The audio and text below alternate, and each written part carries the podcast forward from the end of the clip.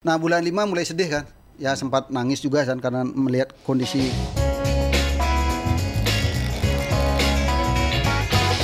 Aji Krisna.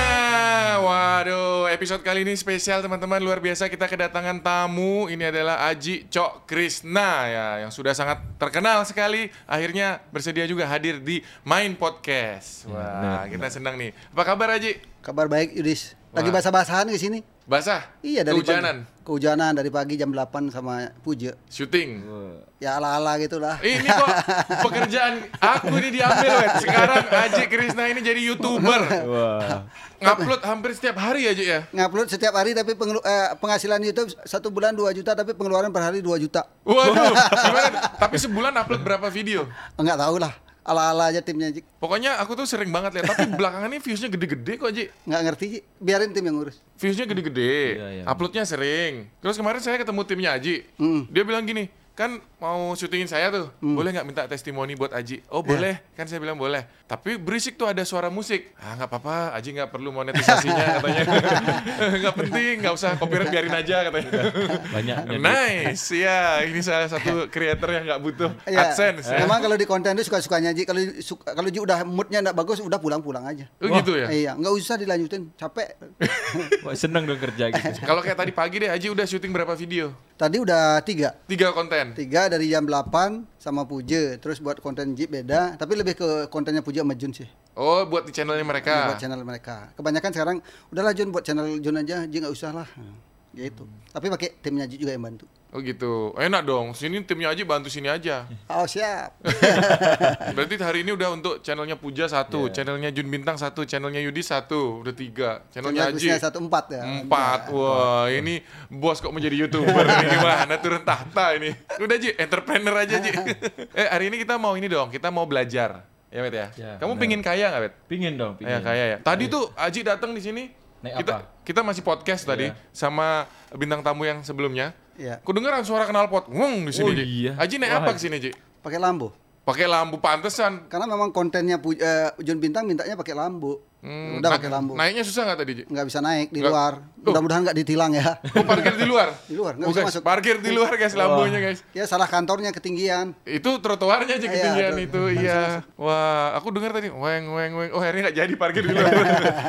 Aji itu terkenal juga eh, kolektor mobil sekarang ternyata. Dan saya tuh punya pertanyaan, kenapa semua harus warna orange sih? Itu bajunya orange. Kebetulan kebetulan Yudis ya, Ji itu sukanya oh, warna oranye, merah, putih, hitam. Tapi mobil sport Aji semuanya orange. Kenapa, Ji? Suka aja. Nggak merah juga. Kan udah dijual katanya yang merah. Masih ada Force. Porsche bukannya eh, orange. ah, Audi, Audi merah. oh, Audinya merah ya. Kalau Force sama lampu oranye. Orange ya kan? Eh, Ford Ranger oranye. Hmm, guys, Iya. Ford Ranger-nya orange, lambunya orange, Porsche-nya eh, lambunya orange, Porsche-nya orange ya kan? Iya. Kenapa, Ji? Kok bisa suka banget orange? Eh, buktinya aja Yudis kenapa pakai baju Spesial baju ini, oranye? menyambut spesial. Aji. Oh, ah, luar biasa ya. Sebenarnya sih lebih lebih warna enggak enggak enggak terlalu ini sih. Suka-suka Ji aja lah. Suka-suka aja ya? Iya. Tapi sih memang eh, lebih cocok kita pakai oranye sih. Lebih cocok pakai Lebih orange. cocok. Makanya kalau pakai baju pasti lebih banyak ke oranye. Hmm, kemarin Aji ulang tahun, happy Ya, birthday. Pakai orange Pakai waktu- kan? Iya, waktu dia dia ulang ingat ya, dia kita pakai tangan panjang di uh, Iya. polisat oranye. Iya. Betul. Emang ternyata suka warna orange ya. Aji, mobilnya ada berapa sih, Ji? Kalau kemarin sebelum pandemi ada 16 ya. Sebelum pandemi. Ada 16 mobil Itu yang pribadi. pribadi. Itu yang pribadi. Motor, motor, Ji, motor. Kalau motor eh, dua. Dari sebelum pandemi sampai sekarang tetap Eh, dua. eh dua tapi tanya motor apa? Motor apa, Iya. Ji? Motor apa? Motornya Ken M sama Triglade Harley. Mau pakai pakai aja orang Ji nggak pernah pakai. Tuh. Boleh, boleh. Boleh lah. Itu yang aku tahu tuh OTW ke rumah. benar benar.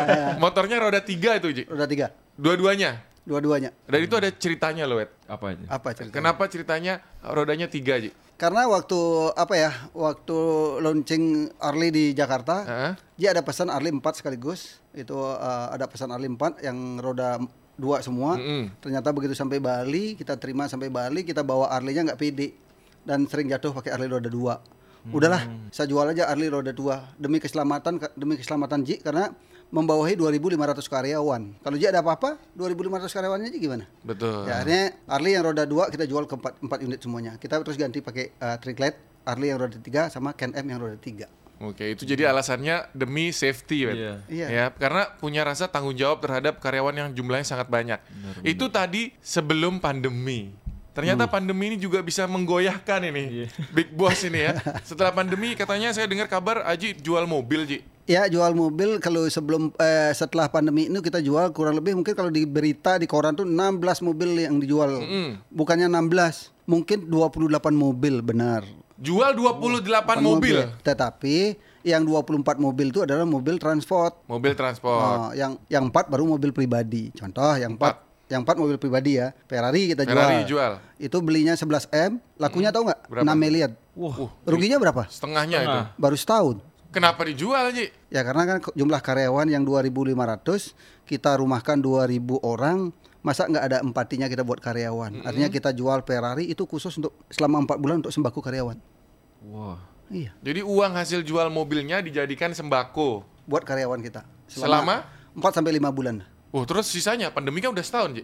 Ya sisanya kan tentu kita harus ada cadangan juga kan untuk bayar Hmm, listrik. jadi tabungan. Untuk bayar listrik nggak ada tabungan. Artinya cadangan untuk bayar listrik, untuk bayar karyawan yang terutama tukang kebun kan masih kerja kan, tukang kebun, terus sama bayar pajak otomatis. Itu nggak karena listrik BPJS kan harus dibayar. Mm-mm. Iya itu. Nah itu yang kita jual adalah mobil pribadinya aja Ferrari. Mm-mm. Ferrari itu belinya 12 m, lakunya 6 m. Ah, Mini Cooper kita belinya 1 m, lakunya 650. Terus kita jual Bentley. Bentley kita beli bekas waktu itu ya 4, se- em- berapa ya 4,9 ya. Mm-mm. Lakunya cuma 3850 sama terakhir Robicon. Itu yang kita jual. Oke, oke. Sayang ya.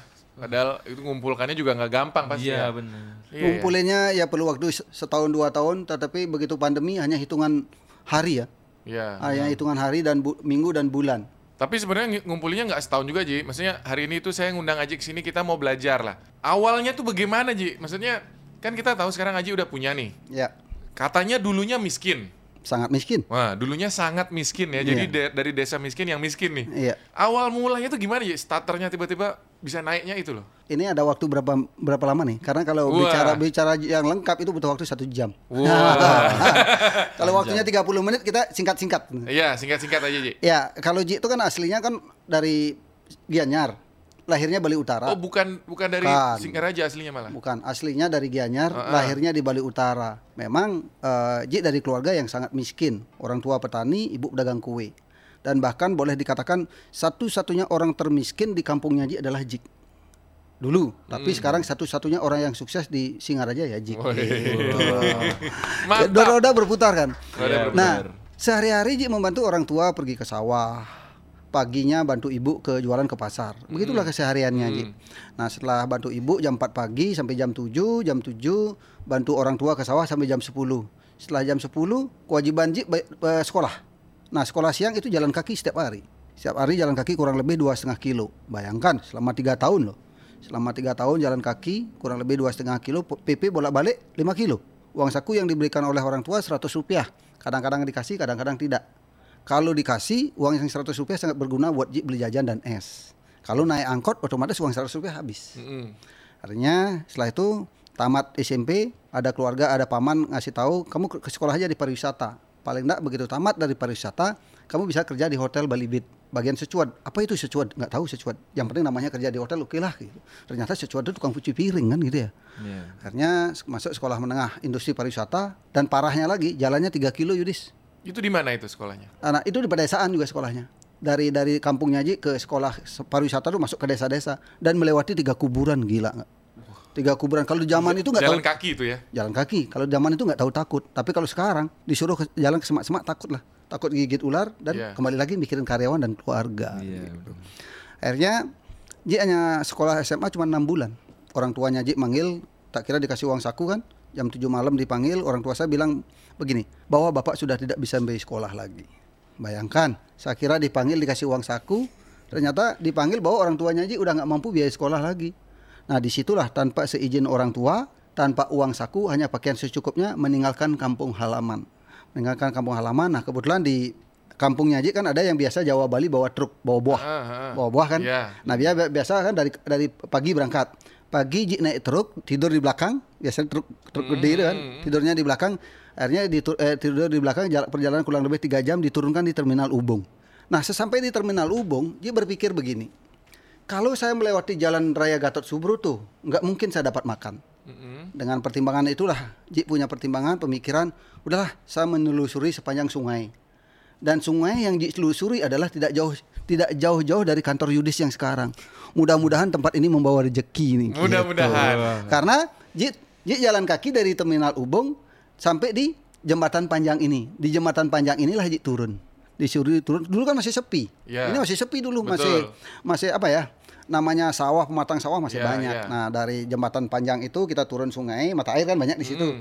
Nah, buah yang cara cari demi isi perutnya Ji, buah semangka, pepaya, mangga Liar, liar. liar eh, terpaksa mencuri ya demi isi perutnya Ji. Nah singkat cerita perjalanan kurang lebih dari terminal Ubung sampai di Sandur kurang lebih 5 kilo ya 5 kilo akhirnya tembus di daerah Sandur di daerah Sandur itu kan ada beberapa di hotel hotel Melati Di Sanur. di Jalan Intaran Jalan Hmm, Danubuyan iya, iya. Dokter Jody di situ kalau tidak salah ada beberapa hotel Melati pertama kali saya numpang adalah di pos security Hotel Rani Mm-mm. Nah di situ ada security, di situ izin kepada security, Pak security izinkan saya tinggal di sini sebelum mendapatkan pekerjaan. Atas seizin security, akhirnya Ji diizinkan tinggal di pos security. Itu pun Ji tinggal di pos security selama 2 tahun dengan beralaskan bantal bataku. Ada nggak anak-anak milenial zaman sekarang mau tinggal di sana? Itu Nggak pertanyaannya Ji. Sekarang Ji yang balik bertanya sekarang. Ada. Itu. Kalau hari ini mungkin nggak ada. Mereka Aduh, gengsi lah. gengsi ya, apa. iya. Nah, selama Ji tinggal di pos selama Ji tinggal di Hotel Rani, Ji tidur di pos security selama 2 tahun dengan beralakan bantal bataku. Nah, di situ karena Ji numpang atas inisiatif Ji sendiri, kan harus punya bantu di bantu bantu pemilik hotel itu kan. Nah, di situ Ji membantu membersihkan halaman parkir dan kebun hotel tersebut. Dan malamnya Ji mulai berpikir besok saya butuh makan, butuh uang gitu. Atas inisiatif Ji sendiri, Ji mencuci mobil yang ada di parkiran hotel tersebut. Jam 12 sampai jam 3 Ji nyuci mobil, jam 3 Ji isi, eh, tidur di pos security sampai jam 7, jam 7 bangunin yang punya mobil. Begitu datang yang punya mobil saya bilang begini, "Om, saya yang cuci mobilnya." Nah, kebetulan di hari pertama dan seterusnya dari hasil nyuci mobil atas inisiatif saya sendiri penghasilan saya 2000 sampai 5000 per hari. Di situlah men- saya menyatakan diri saya suatu saat saya akan menjadi orang yang sukses di Denpasar ini karena waktu di Singaraja uang saku aja 100 rupiah kadang-kadang Ya. dikasih. Begitu saya merantau di hari pertama udah dapat tempat tinggal meskipun di pos security. Begitu hari kedua atas inisiatif saya sendiri jadi tukang cuci mobil penghasilan saya 2000 sampai 5000 per hari selama dua tahun. Nah, dari hasil cuci mobil selama dua tahun, Ji bisa menyisihkan tabungan senilai 150 ribu rupiah. Dua tahun dia. Selama dua tahun ya. Selama dua tahun Ji jadi tukang cuci mobil atas inisiatif sendiri, Ji bisa menyisihkan tabungan senilai 150 ribu rupiah. Dulu orang tua suruh beliin sepeda dengan harga 15 ribu aja nggak mampu. Tetapi begitu saya kerja di sini, penghasilan saya bisa menyisihkan tabungan senilai, senilai 150 ribu dengan uang uang 150 ribu rupiah itu saya belikan sepeda motor Honda 70 Wah, kalau sekarang berarti nilainya belasan juta dong. satu setengah juta lah. Ya sekarang aja anggap aja Honda 70 secondnya eh, Honda 70 kan paling satu setengah juta harganya. Kalau Enggak, dulu 150. Nilai uang itu 150 ribu itu? Kalau Ji sih pikir eh, sekitar satu setengah juta ya. Oh, karena Satu setengah. beli second gitu. Ya beli second. Karena Ah. saya Ji hitungnya kan harga motor Honda 70 sekarang kan satu setengah. Mm-mm. Nah dengan modal sepeda motor itulah Ji mu- mulai berpikir Ji berhenti melakukan aktivitas cuci mobil. Karena Yudis ya nyuci mobil malam itu berat. Berat kan angin, air. Nah itu sempat sakit, akhirnya berhenti. Nah di situ berpikir berpikir saya merantau di Denpasar itu paling tidak kalau bekerja di tempat lain saya dapat tempat tinggal dan makan. Mm. Dan da- dengan modal sepeda motor itu Ji mencari pekerjaan di Denpasar. Dan pertama kali Ji bekerja di Denpasar dan tidak pernah bekerja di tempat lain adalah di Konveksi Sidarta. Konveksi Sidarta tahu kan? Mm-mm. Nah, selama eh, Ji kerja di Konveksi Sidarta dan di Konveksi Sidarta, satu-satunya yang tinggal satu atap dengan satu perusahaan dengan satu owner adalah saya sendiri. Padahal karyawannya banyak. Padahal karyawannya banyak. Kenapa? Karena saya yakin rata-rata karyawan menghindari pekerjaan di luar jam kantor. Kan gitu ya? Mm-mm. Kalau saya tinggal karena tinggal sama bos otomatis kewajiban Ji pasti lebih banyak dong. Ya. Toko buka jam 8, jam 6 kita harus sudah buka eh, bersih-bersih. Baru kita buka jam 8. Begitu juga sebaliknya toko tutup jam 5, teman-teman pulang, kita kembali lagi bersih-bersih kamar mandi, kamar bosnya Masih aja. ada Hmm. perintah-perintah. Ada perintah-perintah. Nah, di atas jam 7 kan otomatis kerjaan Ji udah selesai. Keluar nggak mungkin, harus izin sama bos. Karena pasti dikunci kan. Nah, artinya sehari-harinya eh, libur nggak pernah, pulang nggak pernah. Artinya taat sama aturan bos. Nah di atas jam 7 karena nggak ada kerjaan, jadi di situlah membantu bosnya Ji atas inisiatif sendiri juga kembali belajar jahit, sablon dan motong Di luar jam kerja. di luar jam kerja. Artinya sisa-sisa kain itu kita belajar menjahit, potong dan sablon daripada diam. Akhirnya dalam enam bulan Ji bisa jahit, bisa motong dan sablon. Nah di situlah Pak Siddhartha mulai percaya dan Pak Siddhartha mulai ngajak, ngajak saya ke mana-mana beli bahan baku ataupun ke mana, termasuk makan kita diajak. Dan Pak Sidarta selalu bilang suatu saat kamu akan menjadi orang yang sukses gitu. Artinya semua ini berkat Pak Sidarta. Tanpa Pak Sidarta nggak mungkin saya bisa seperti ini. Nah setelah saya kerja di Sidata kurang lebih saya nggak ingat berapa tahun nggak ingat. Di situlah akhirnya tahun 90 94 saya memberanikan diri membuka usaha kecil-kecilan namanya Cok Konveksi di depan Art Center. Dulu Di kecil. Di depan art center Dulu justru. ya, dulu kan ada ruko satu eh, satu toko kecil satu lantai. Itu kalau tidak salah ukurannya 6, 6 kali 5, kita kontrak setahun 900 ribu. Itu untuk bayarnya pun kita tidak cash. Itu nyicil selama 12 bulan. Kurang lebih 70 ribu per bulan. Tetapi untuk isi barangnya nggak bisa. Karena kan kita mampunya ngontrak toko, tapi untuk isi barangnya nggak bisa. Nah di situ saya bilang sama Pak Sidata, Pak Sidata izinkanlah, saya mau ngontrak toko, tetapi untuk isinya saya nggak bisa, untuk isinya saya nggak bisa. Waduh, kamu terlalu berani. Kalau kontrak toko, mod- tokonya modalnya kecil, tapi ngisinya yang yang yang berat gitu. Ya udahlah Pak, kalau Bapak tidak keberatan, ayo lihat lokasinya. Begitu dilihat lokasinya oleh Pak Sidata, Pak Sidata senang. Ya oke, saya barangnya, kamu tempatnya. Tahun 90 sampai 94 saya bekerja sama dengan Pak Sidarta. Nah, setelah tahun 94 saya betul-betul ya namanya juga uh, hidup kan pingin pingin punya usaha sendiri atau apa. Nah, akhirnya tahun 94 betul-betul ingin mandiri nih. Meskipun kecil tapi punya sendiri gitu. Izin pertama kepada Pak Sidarta ditolak. Izin kedua juga untuk mandiri juga ditolak. Izin ketiga sama Pak Sidarta juga ditolak. Izin terakhir punya prinsip dikasih tidak dikasih saya tetap harus keluar. Izin terakhir saya minta sama Ibu Sidarta. Ternyata izin itu keluar ke eh, izin untuk mandiri itu keluar sama Ibu Sidarta. Makanya buat bapak-bapak dan anak-anak milenial kalau udah punya istri harus ini sama istri loh. Karena keputusan itu semua ada di istri. Betul. Gitu. Akhirnya tahun 94 mulai kita berdiri sendiri, mulai punya usaha eh, mulai punya usaha sendiri tapi itu beratnya luar biasa. Dengan modal sepeda motor kita mempromosikan cok konveksi. Kita keliling seluruh Bali bawa motor loh. Itu nyari orderan. Nyari orderan ke sekolah-sekolah biar dapat orderan karena satu-satunya konveksi terbesar di Bali kan Sidarta. Mm-mm. Tahun 94 akhirnya kita udah punya usaha sendiri, akhirnya berkembang semakin bagus. Tahun 2000 kita udah bisa beli tempat yang di baru yang sekarang. Tahun 2000 kita udah men- eh, bisa beli tempat dan sekarang bahkan menempati gedung baru. Gedung baru dan tahun 2001 berkembang berkembang dan tahun 2006 konveksi terbesar di Bali ada dua. Cok konveksi baru Sidarta. Gila nggak? Artinya Malah melebihi ya. marah melebihi kalah bosnya. Artinya kan si data kalah sama, sama Cok konveksi kan tetapi hubungan Ji sama si data udah seperti orang tua. Malah dia langsung eh, apa ya? Udah ini kesempatan kamu. Uh, kamu umur masih muda. Nggak apa-apa. Hajar gitu. Akhirnya tahun 2000 tahun 2006 perkembangan semakin bagus konveksinya Ji. Tahun 2006 akhir Ji sama istri dan perlu Ji perkenalkan istrinya Ji teman sama-sama teman tamatan SMA eh SMP Dari Singaraja. dari Singarja istrinya Ji adalah sama-sama tamatan S2 SD SMP Heeh. dan teman sekelas SMP tetapi belum pacaran waktu itu. Pacarannya sama pas sama-sama merantau di sini. Kebetulan ada pekerjaan di Sidata banyak. Kan cari pengepul kan? Bawalah keluar. Eh ketemu dengan teman sekolah yang sekarang jadi istrinya Ji loh kamu kerja di sini ya? iya. Jadi apa? Tukang jahit. Karena selalu terlalu sering ngobrol sering curhat akhirnya pacaran Kenapa eh pacaran terus akhirnya nikah muda. Kenapa Ji pilih nikah muda? Karena skillnya sama. Ji tukang jahit, tukang sablon, tukang potong. Sedangkan istrinya Ji tukang jahit. Ya udahlah nikah muda aja. Kalau Ji nikah sama pegawai salon kan mungkin nyambung kan skillnya beda. Makanya Ji bisa berhasil berhasil seperti sekarang ini bukan karena Ji aja, berkat istri juga. Selalu di belakangnya untuk ada sosok istri. Meskipun Gitu. sekarang jarang dilihat orang ya, kan sekarang lebih dominan yang dilihat di masyarakat selalu Aji. Karena eh, istrinya aja kan ibu rumah tangga, Eh, jarang keluar. Istrinya aja dan keluarganya nggak nggak mau diekspos gitu. Jadi sekarang dia nggak ikut juga. Misalkan Aji masih ngurus bisnis-bisnis. Istri, istri Istri? fokus di barang, di processing. Oke. Nah, barang eh, orang eh, supplier bisa masuk ke Krisna itu tergantung istri dan Ji. Nah, sekarang di luar kaos keputusan tuh ba- orang barang bisa masuk ke Krisna itu tergantung istrinya Oh, Ji. kalau kaos tetap semua produksi sendiri. Kaos produksi Tidak sendiri. terima. Ah, masih banyak masih banyak juga karena gini, sebelum pandemi aja ya, itu satu hari 5000 kaos. Sebelum yang- pandemi yang keluar tuh ya? Yang keluar. Berarti kalau produksi di dalam aja nggak mampu.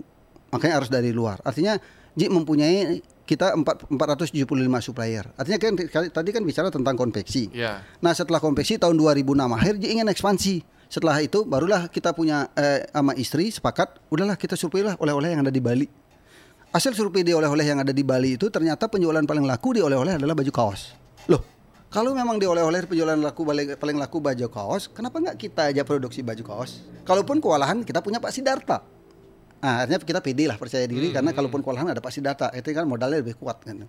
Akhirnya tanggal 16 bulan 5 2007 dibuka Krishna yang pertama. 2007. 2007 yang Krishna yang pertama di daerah Nusa Indah juga kan. Iya, di sebelah Cok Konveksi itu. Iya, tanggal 16 bulan 5 2007 ber- dibuka Krishna yang pertama. Nah, begitu buka yang Krishna yang pertama, di awal memang kurang berjalan. Setelah enam bulan kemudian jalannya bagus. Dan itu lokasinya kan bukan daerah pariwisata dan tempatnya kecil. Mm-mm. Akhirnya tahun 2008 tanggal 16 16 bulan 5 2008 dibuka Krishna 2 bersebelahan dengan Erlangga, Di Nusa Kambangan. Nusa Kambangan. Ya, ya. itu luasnya 5000 meter persegi.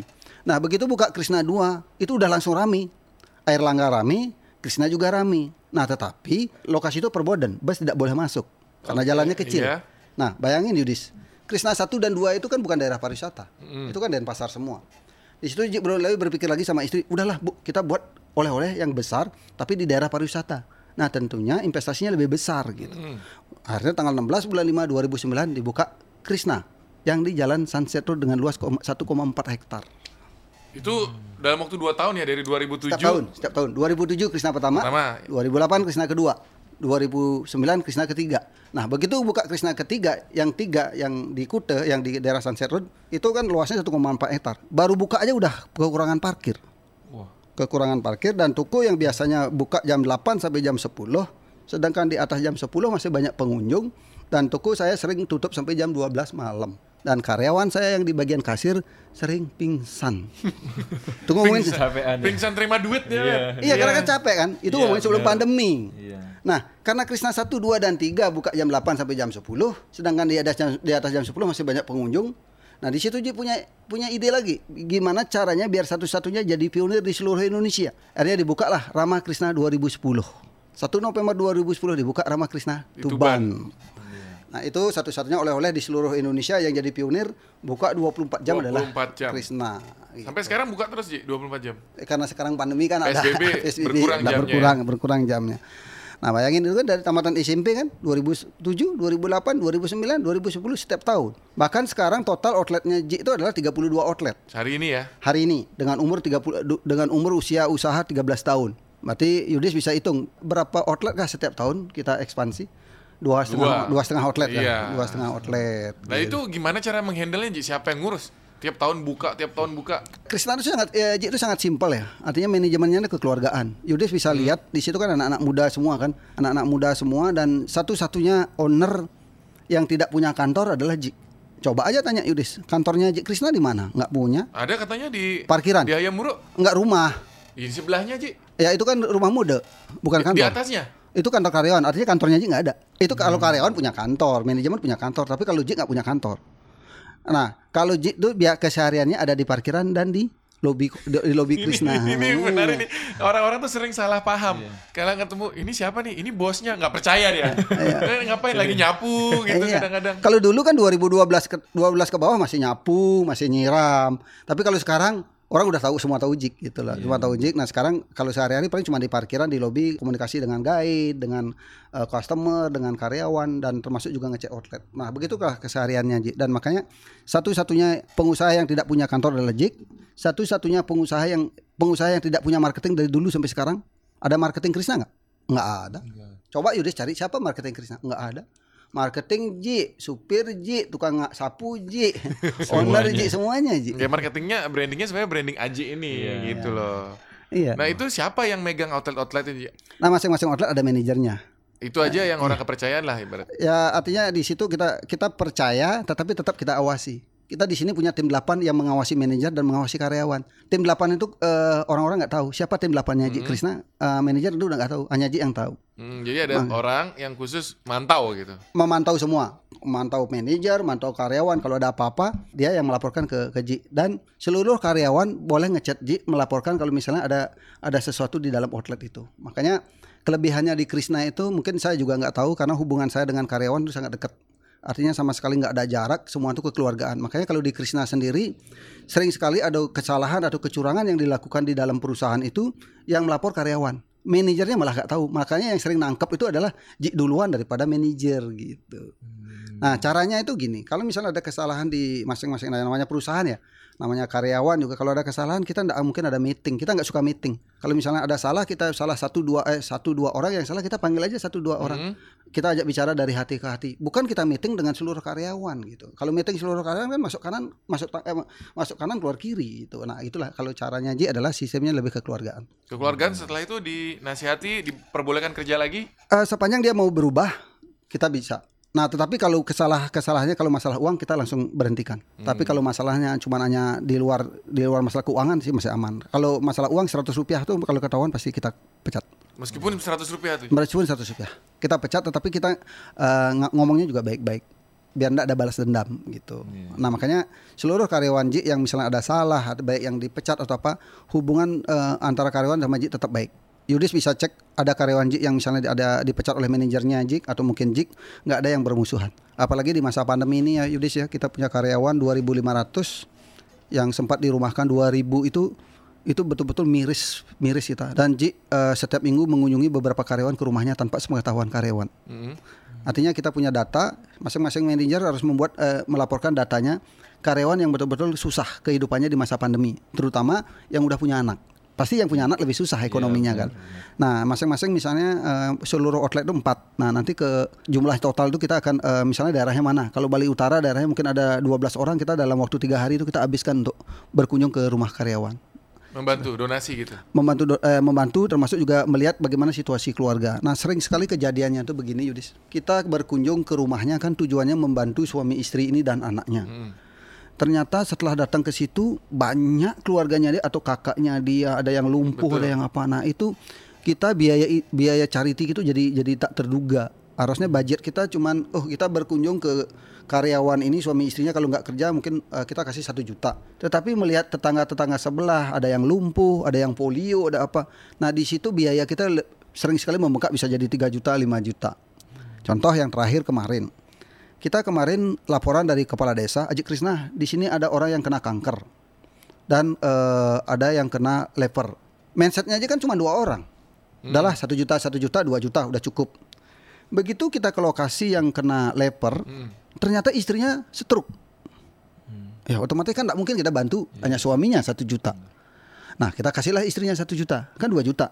Maaf ya kita bukan bukan ikhlas sih ikhlas. Artinya tak terduga itu sering. Kita nggak bisa bawa. Nah kadang-kadang manajemen ngasih budget, oh ini cuma 3 juta. Kita di lapangan kan nggak bisa. Nah begitu kita kasih suaminya satu juta, otomatis istrinya karena stroke juga kan kasih satu juta.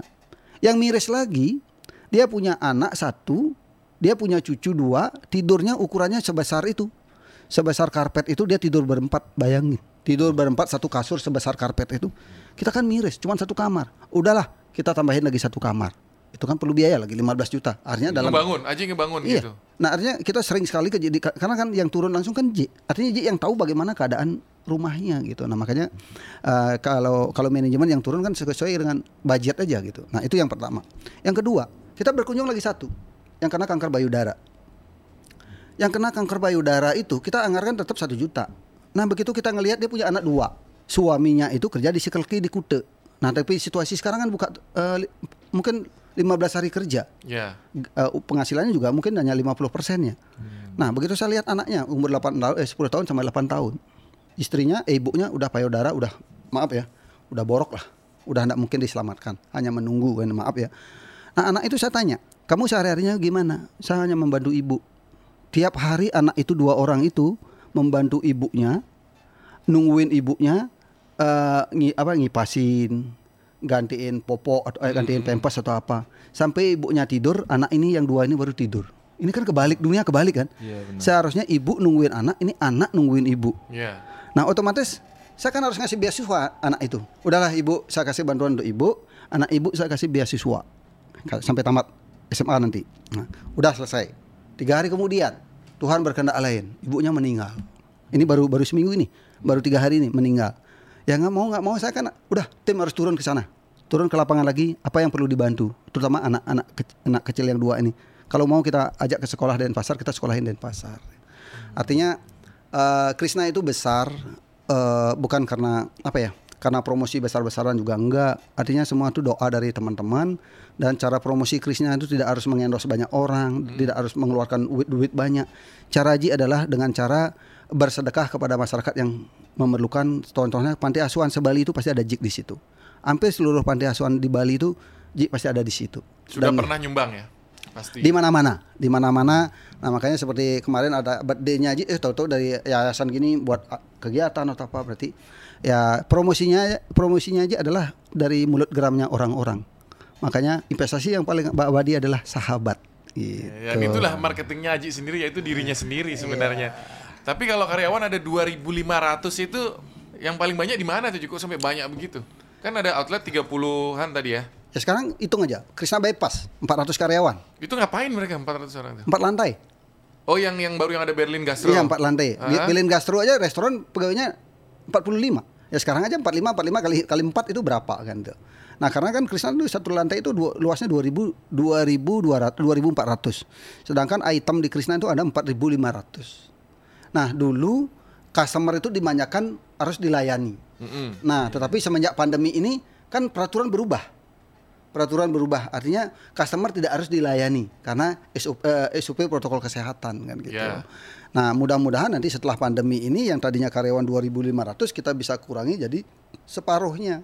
Nah, cuman kita harus pikirkan ini karyawan yang sisanya ini. Makanya Ji mulai membuat produk-produk yang baru. Seperti kemarin yang kita baru launching ada Daily Krishna Bakery. Loh, kok nggak bawa Ji? Iya. lumayan nih. Karena dari Gianyar tadi. Eh, Wah, lumayan nanti dapat pisang crispy. Eh, Ah. karena di nah makanya dibilang Ji Krishna tuh gila di masa pandemi apa pun yang dibuat tidak mungkin bisa gitu malah saya bangkit dari dari pandemi ini pandemi ini menurut Ji membawa berkah sebetulnya kalau kita ambil positifnya kan ya contoh pai susu kita buat di masa pandemi malah best seller sangat laku sekarang di masa pandemi aja laku apalagi di- apalagi normal gitu. Kacang aji yang tadinya kita hanya berkebun dibully sama orang-orang setelah hasil kebunnya jadi dia berpikir oh di mana bawa hasil hasil petani hasil kacangnya nih? Udahlah produksi kacang aja.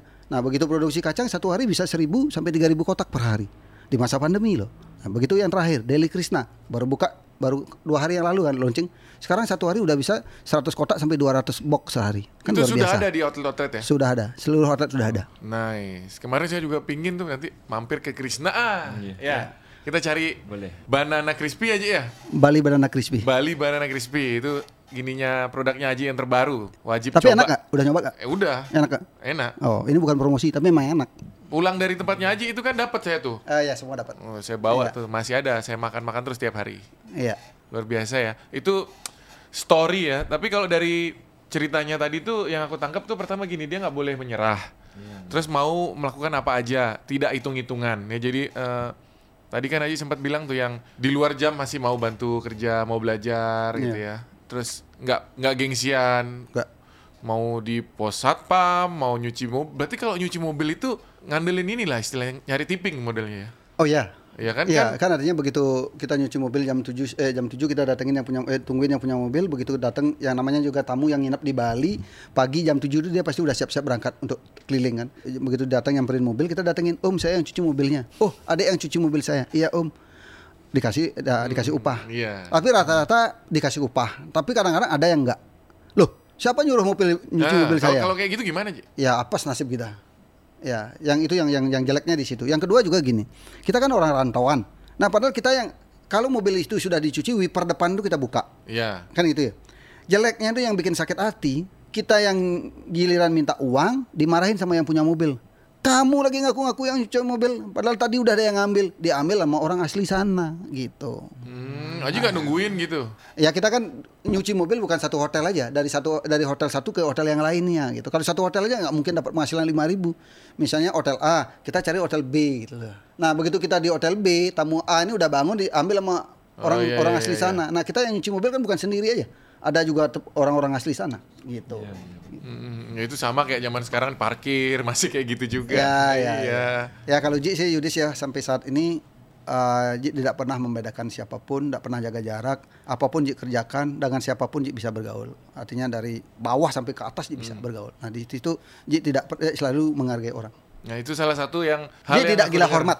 Hmm, yang penting itu aku dengar ya katanya Aji ini kan suka banyak orang yang pingin ketemu banyak terima tamu. Tamunya Aji itu dari orang yang bawah sampai pejabat-pejabat sampai artis-artis juga. Semua terbuka ya, Artis semua artis hampir ya. Ya, termasuk presiden kita undang datang. presiden? Iya kita kan sempat undang presiden datang lewat Gibran. Oh, lewat Gibran. Iya, kita- waktu weddingnya Berlin? Ah, kalau itu anaknya yang datang, Gibran datang. Tapi setelah itu kan pas acara pesta seni Bali yang tahun yang lalu, begitu Pak Presiden datang saya minta sama Mas Gibran, Mas Gibran undang Papa eh, undang Bapak dong ke Krishna. Ini di situ kita di eh, Pak Presiden sempat datang kurang lebih 40 menit dan sempat cerita-cerita 20 menit yang lalu. Dan kemarin bulan lalu juga Menteri Sandiaga Uno juga datang dan dua hari yang lalu ada eh, ini ada apa ya webinar sama ini eh kemarin sama Sandiaga Uno ya. Sandiaga Uno. Iya, iya. iya. Iya.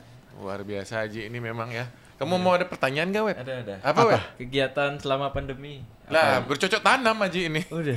Kegiatan Ji selama pandemi ya. Awalnya pandemi itu kan bulan Maret.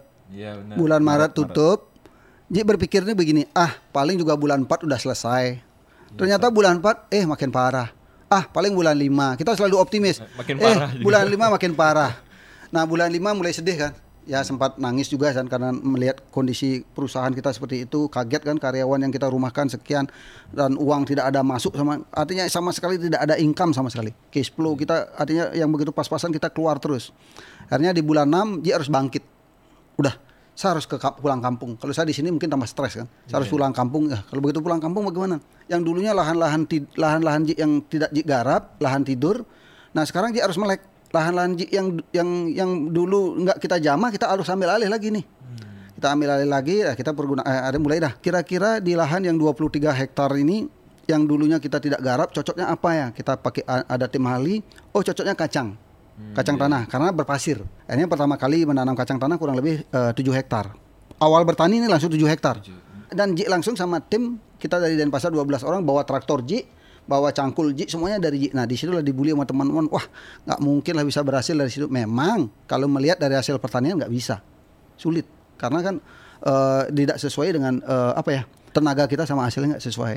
Akhirnya kita bertani, setelah bertani Pak Bupati datang, setelah panen Pangdam datang dan Bu Gubernur datang Ji jadi semangat gitu. Nah setelah itu panen, wah ini hasilnya bawa ke mana? Ya udah 50% sumbangkan ke masyarakat, 50% lagi, udah kita produksi kacang. Nah kita ada beberapa beberapa tempat yang sebelum pandemi aja udah rugi, apalagi pandemi kita tutup, pakailah produksi kacang. Nah, begitu produksi kacang, baru seminggu kita produksi, kita eh, pakai nama packagingnya kita bagus, buat bagus, kacangnya ada lima rasa, yang pasti namanya harus ajik. Begitu kita jual, pertama udah baru jual 500, setelah itu dalam waktu seminggu udah 3 2000 3000 kotak per hari. Per hari Per ya. hari ya. Itu dia dahsyat ya banget itu. ya. Makanya kalau pandemi itu jangan dijadikan sebuah halangan tapi kita cari Iya. celah di mana kita bisa bikin suatu gebrakan lah gitu. Iya, Usaha baru gitu ya. Ini kalau kita dengerin terus story-nya ini panjang nih. Bisa satu hari nih, Ji. bisa satu hari. Iya. Nah makanya buat anak-anak milenial jangan pernah memilih pekerjaan karena Hmm. sehari-harinya Jik ya, sehari-harinya Jik Indonesia Jik masih nyuci sendiri, masih nyuci sendiri, bersih-bersih sendiri, eh, semua itu masih sendiri di rumah karena udah terbiasa di rumah itu sama keluarga, sama istri itu udah biasa kerja dari dari nyapu dari apa pun udah biasa. Nah makanya eh, boleh Yudis lihat di rumah itu kita punya pembantu empat di rumah itu pembantu itu makan dari masakan istrinya Ji bukan ke- harusnya oh, kebalik, kebalik ya. karena keluarga eh, Ji dan anak-anak Ji tidak mau dimasakin oleh pembantu. Terlalu istrinya Ji pagi masak dulu buat anak-anak Ji buat empat pembantu. Ada nggak yang ini ownernya yang masakin Iya, pembantu? ini aneh nih, enggak ada. Nah, makanya makanya kalau Yudes mau ngajak pembantunya Ji untuk berhenti kerja di situ mau digaji berapapun yakin nggak mau. Bukan nilai, bukan gaji, tetapi rasa, rasa apa nyamannya punya owner seperti Ji sama, sama Bu Jeru kalau nggak salah. Kayak karyawannya nggak ada nggak ada yang nggak ada yang nggak lama, pasti lama-lama. Pasti lama-lama, Iya. gitu ya. ya Bu Ayu aja lihat Bu Ayu berapa lama? Itu kan Bu Ayu orang baru, Hampir 20 tahun ya. Mungkin. Iya. Asistennya Aji tuh 20 tahun kerjanya. Iya deh. Nanti gini, kalau berkenan nanti kita undang Aji lagi aja ya. Kita ngobrol yang lain. Oh, siap. Ini kan baru satu step nih, story dari awal perjuangannya tadi. Iya. Nanti kita ngobrol yang lainnya lagi, Ji. Siap. Di video yang beda. Teman-teman terima kasih udah nonton. Aji, thank you very much sudah datang. Om Santi Om Santi Santi Santi Om. Om.